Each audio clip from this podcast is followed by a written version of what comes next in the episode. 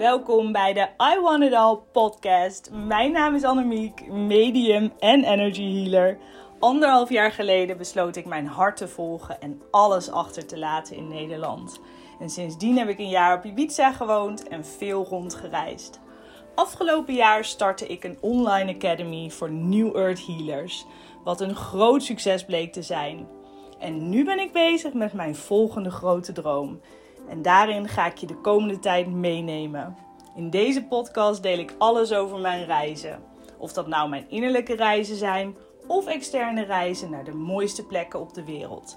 Eén ding is zeker: never a dull moment. Heel veel luisterplezier. Zo, welkom iedereen. Mijn naam is Annemiek en fijn dat je luistert. Dit wordt mijn eerste podcast aflevering. En nu ik hem opneem, denk ik: Oh, ik wilde met jullie meteen een verhaal delen over wat ik vandaag heb meegemaakt. Maar het lijkt me leuk om je eerst even mee te nemen in een klein stukje over mezelf. Zodat je ook een beetje een idee hebt naar wie je aan het luisteren bent. En misschien dat je me al langere tijd volgt op social media.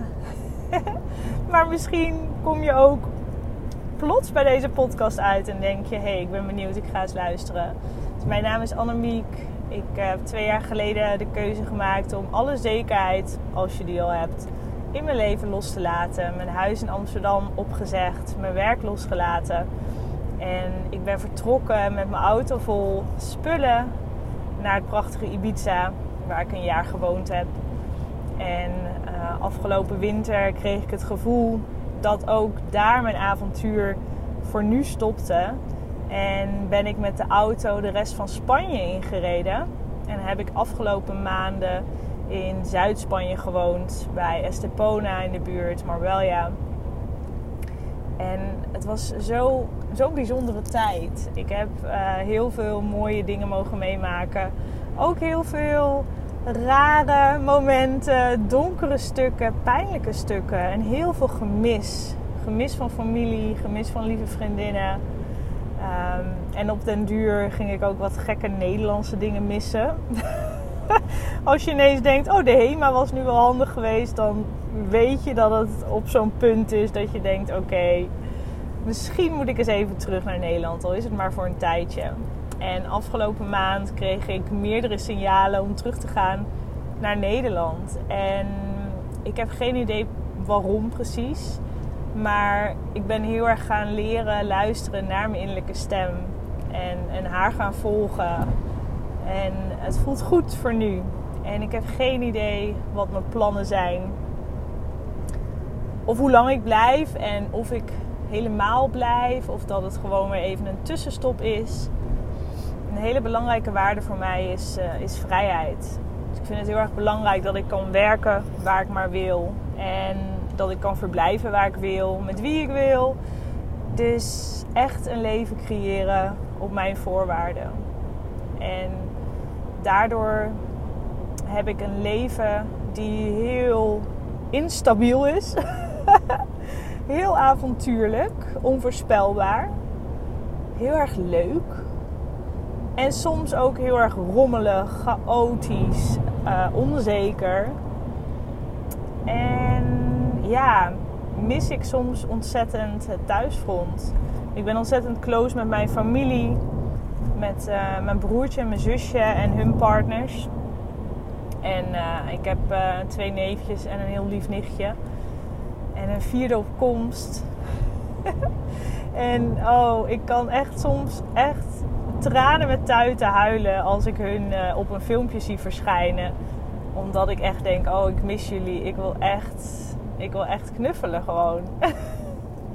en dat is ook een beetje de prijs die ik betaal voor, voor dit leven. En ondanks dat ik mega dankbaar ben dat ik dit kan doen. Want dit is eigenlijk uh, waar ik altijd voor van droomde. Alleen het leek, het leek zo ver weg. Totdat het ineens daar was en ik het gewoon deed. En ik heb echt heel erg geleerd om gewoon te springen. Want het spannend vinden. Ik moet heel eventjes een, uh, een tolkaartje.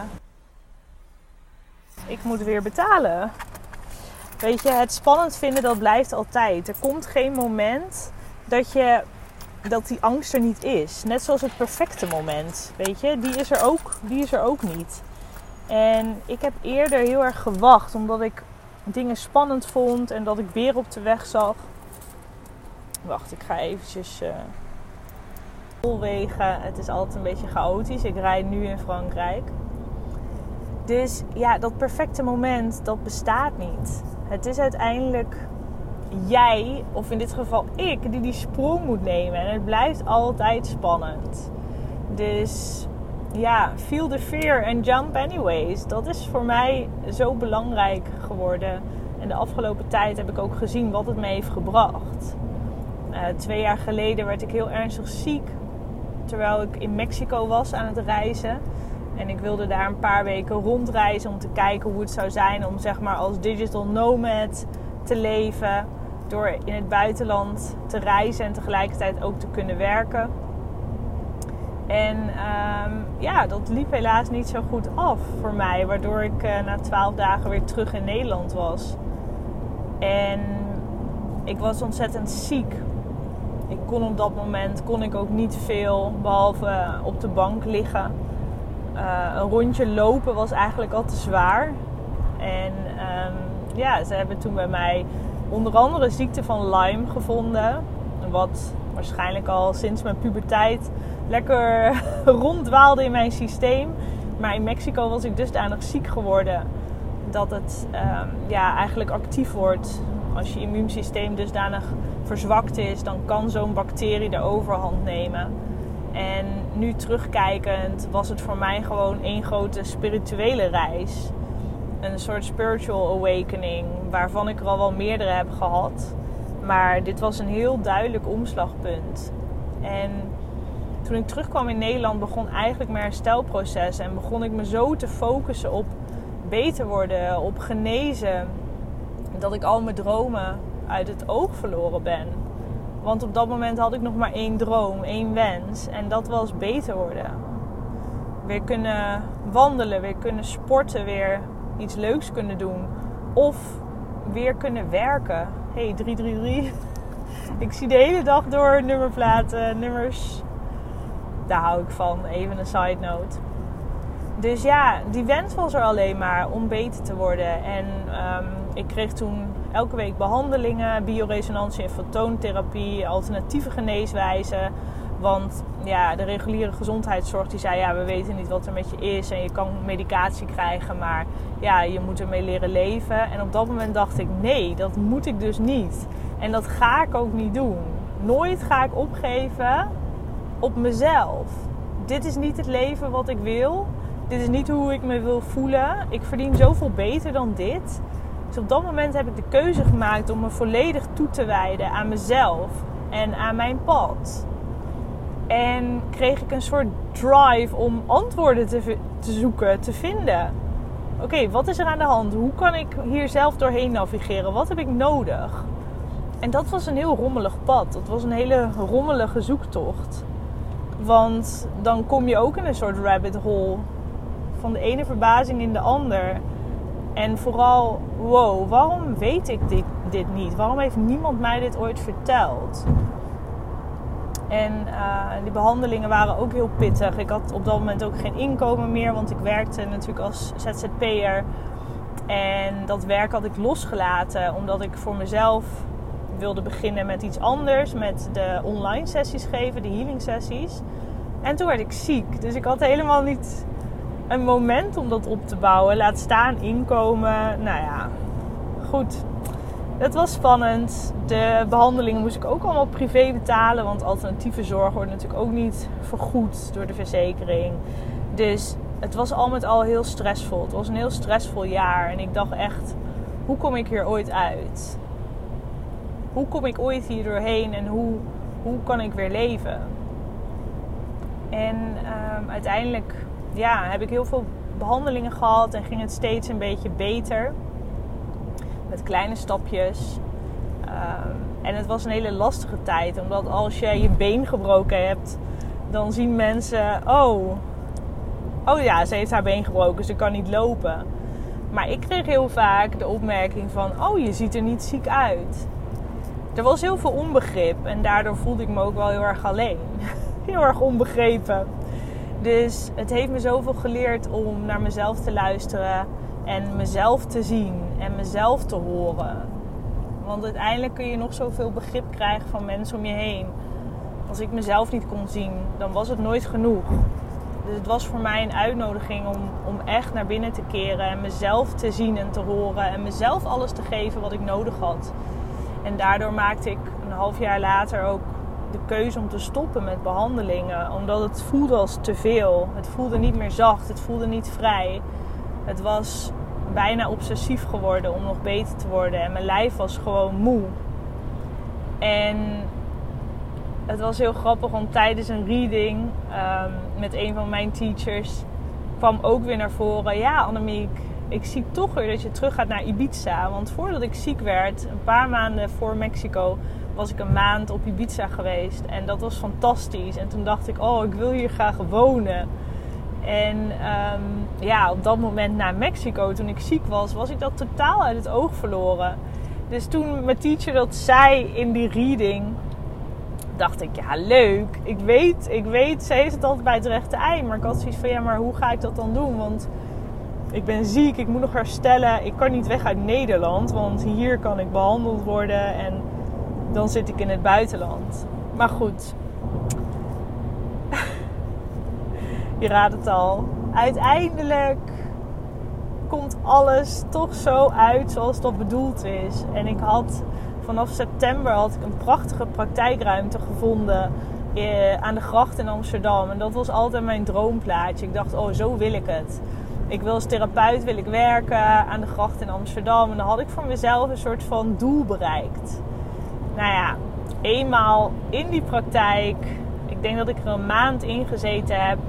Toen dacht ik, jemig, wat ben ik aan het doen? Ik dacht dat ik dit wilde, maar nu ben ik hier en het voelt helemaal niet kloppend.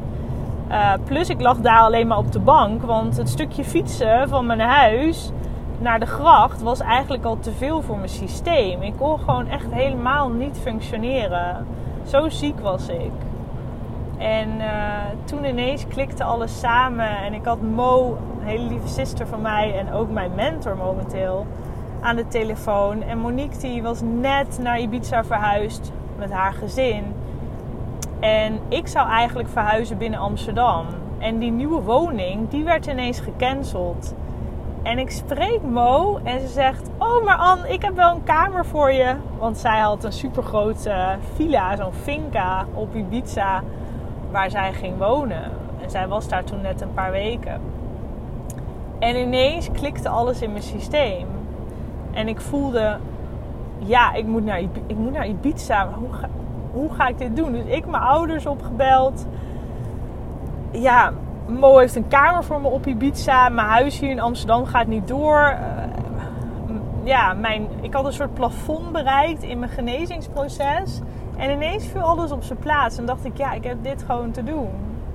Dus ik dacht, hoe ga ik dit doen? En ik had nog drie dagen voordat, uh, voordat de, de, maand om was. En dan moest ik mijn huis, mijn huur opzeggen. Dus ik had heel snel mijn huur opgezegd.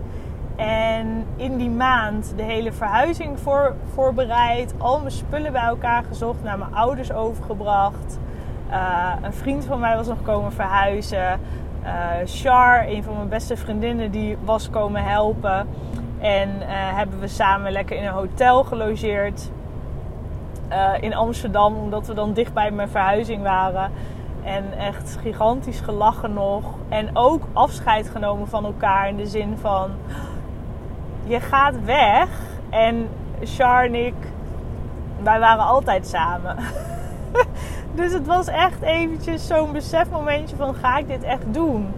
En begin november, een paar weken later, zat ik in de auto met al mijn spullen naar Ibiza. En ik vond het ontzettend spannend, want ik vertelde je net al hoe mijn lichamelijke conditie was. Om dan al die uren in mijn eentje te rijden, was echt wel dat ik dacht: hoe ga ik dit doen? Maar ik heb mijn mijn mindset had ik zo geprogrammeerd. Oké, ik rij een paar uur per dag en dan neem ik een hotel. En ik ga er gewoon zo lang mogelijk over doen als ik nodig heb. Dus soms bleef ik ergens één nachtje slapen en kon ik de volgende dag weer een paar uurtjes auto rijden. En soms uh, bleef ik een paar dagen rusten. En maak je geen zorgen, ik heb alles veilig gedaan. Heel goed naar mijn lichaam geluisterd.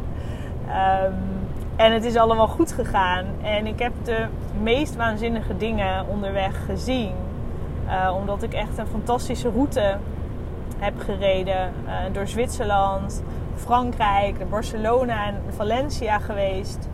En uiteindelijk kwam ik aan op Ibiza. En um, dat jaar heeft me zoveel gegeven. Buiten alle fantastische mensen die ik heb ontmoet op het eiland. Mijn vrienden zijn langs geweest op Ibiza. Niet iedereen helaas, maar wel veel. Uh, mijn familie is langs geweest. Ik heb op de mooiste plekjes mogen wonen daar. Uh, elke dag in de oceaan, in de zee gezwommen. Zoveel zon gezien. En dat heeft me zo goed gedaan. Um, en uiteindelijk heb ik ook nog heel veel dingen gedaan op het gebied van gezondheid, genezing en heling. Wellicht dat ik dat een andere keer met je ga delen. Maar voor nu eventjes geprobeerd een soort korte inleiding te geven op waar ik de afgelopen tijd ben geweest en wat er is gebeurd. Eh, dat vind ik ook heel lastig, want het is soms zoveel dat ik echt denk: waar begin je zo'n verhaal? Waar begin je zo'n verhaal? Dus ja, afijn. Op dit moment rijd ik in Frankrijk. Um, ik ga terug naar Nederland voor nu, althans. En ik weet niet hoe lang ik ga blijven. Maar ik neem je graag mee op mijn avonturen. ik ben net klaar met teachen. Ik heb uh, een opleiding, een online academy, New Earth Healers. Waarbij ik uh, fantastische mensen opleid uh, tot energetisch werker. En helemaal in de energie van de nieuwe aarde. Het is zo bijzonder om te zien hoe die eerste groep zich ontwikkeld heeft en hoe al deze vrouwen, tien fantastische vrouwen, gegroeid zijn. En hoe ze nu allemaal de wereld in, in, in fladderen, wil ik eigenlijk zeggen. Want er komt zoveel joy bij kijken en zoveel liefde. En ik ga hier later ga ik hier nog meer mee delen. Uh, maar het kwam nu even naar boven, dus ik wil dit graag met je, met je delen. Um, en daarnaast, als je het leuk vindt om mij te volgen op social media. Mijn naam is Annemiek Katrine op Instagram. Ik deel daar content over mijn reizen. Dus mijn innerlijke reizen en mijn externe reizen. En ik zou het heel erg leuk vinden als je me volgt. Vind je het leuk om een review achter te laten voor de podcast? Dan ben je ook heel erg welkom om dat te doen. Of als je iets met me wilt delen of iets wil vragen, stuur me dan gerust een berichtje. Dat vind ik hartstikke leuk. Voor nu ontzettend bedankt voor het luisteren. Ik ben ontzettend dankbaar en blij dat je hier bent. En ik hoop tot de volgende keer. Adios.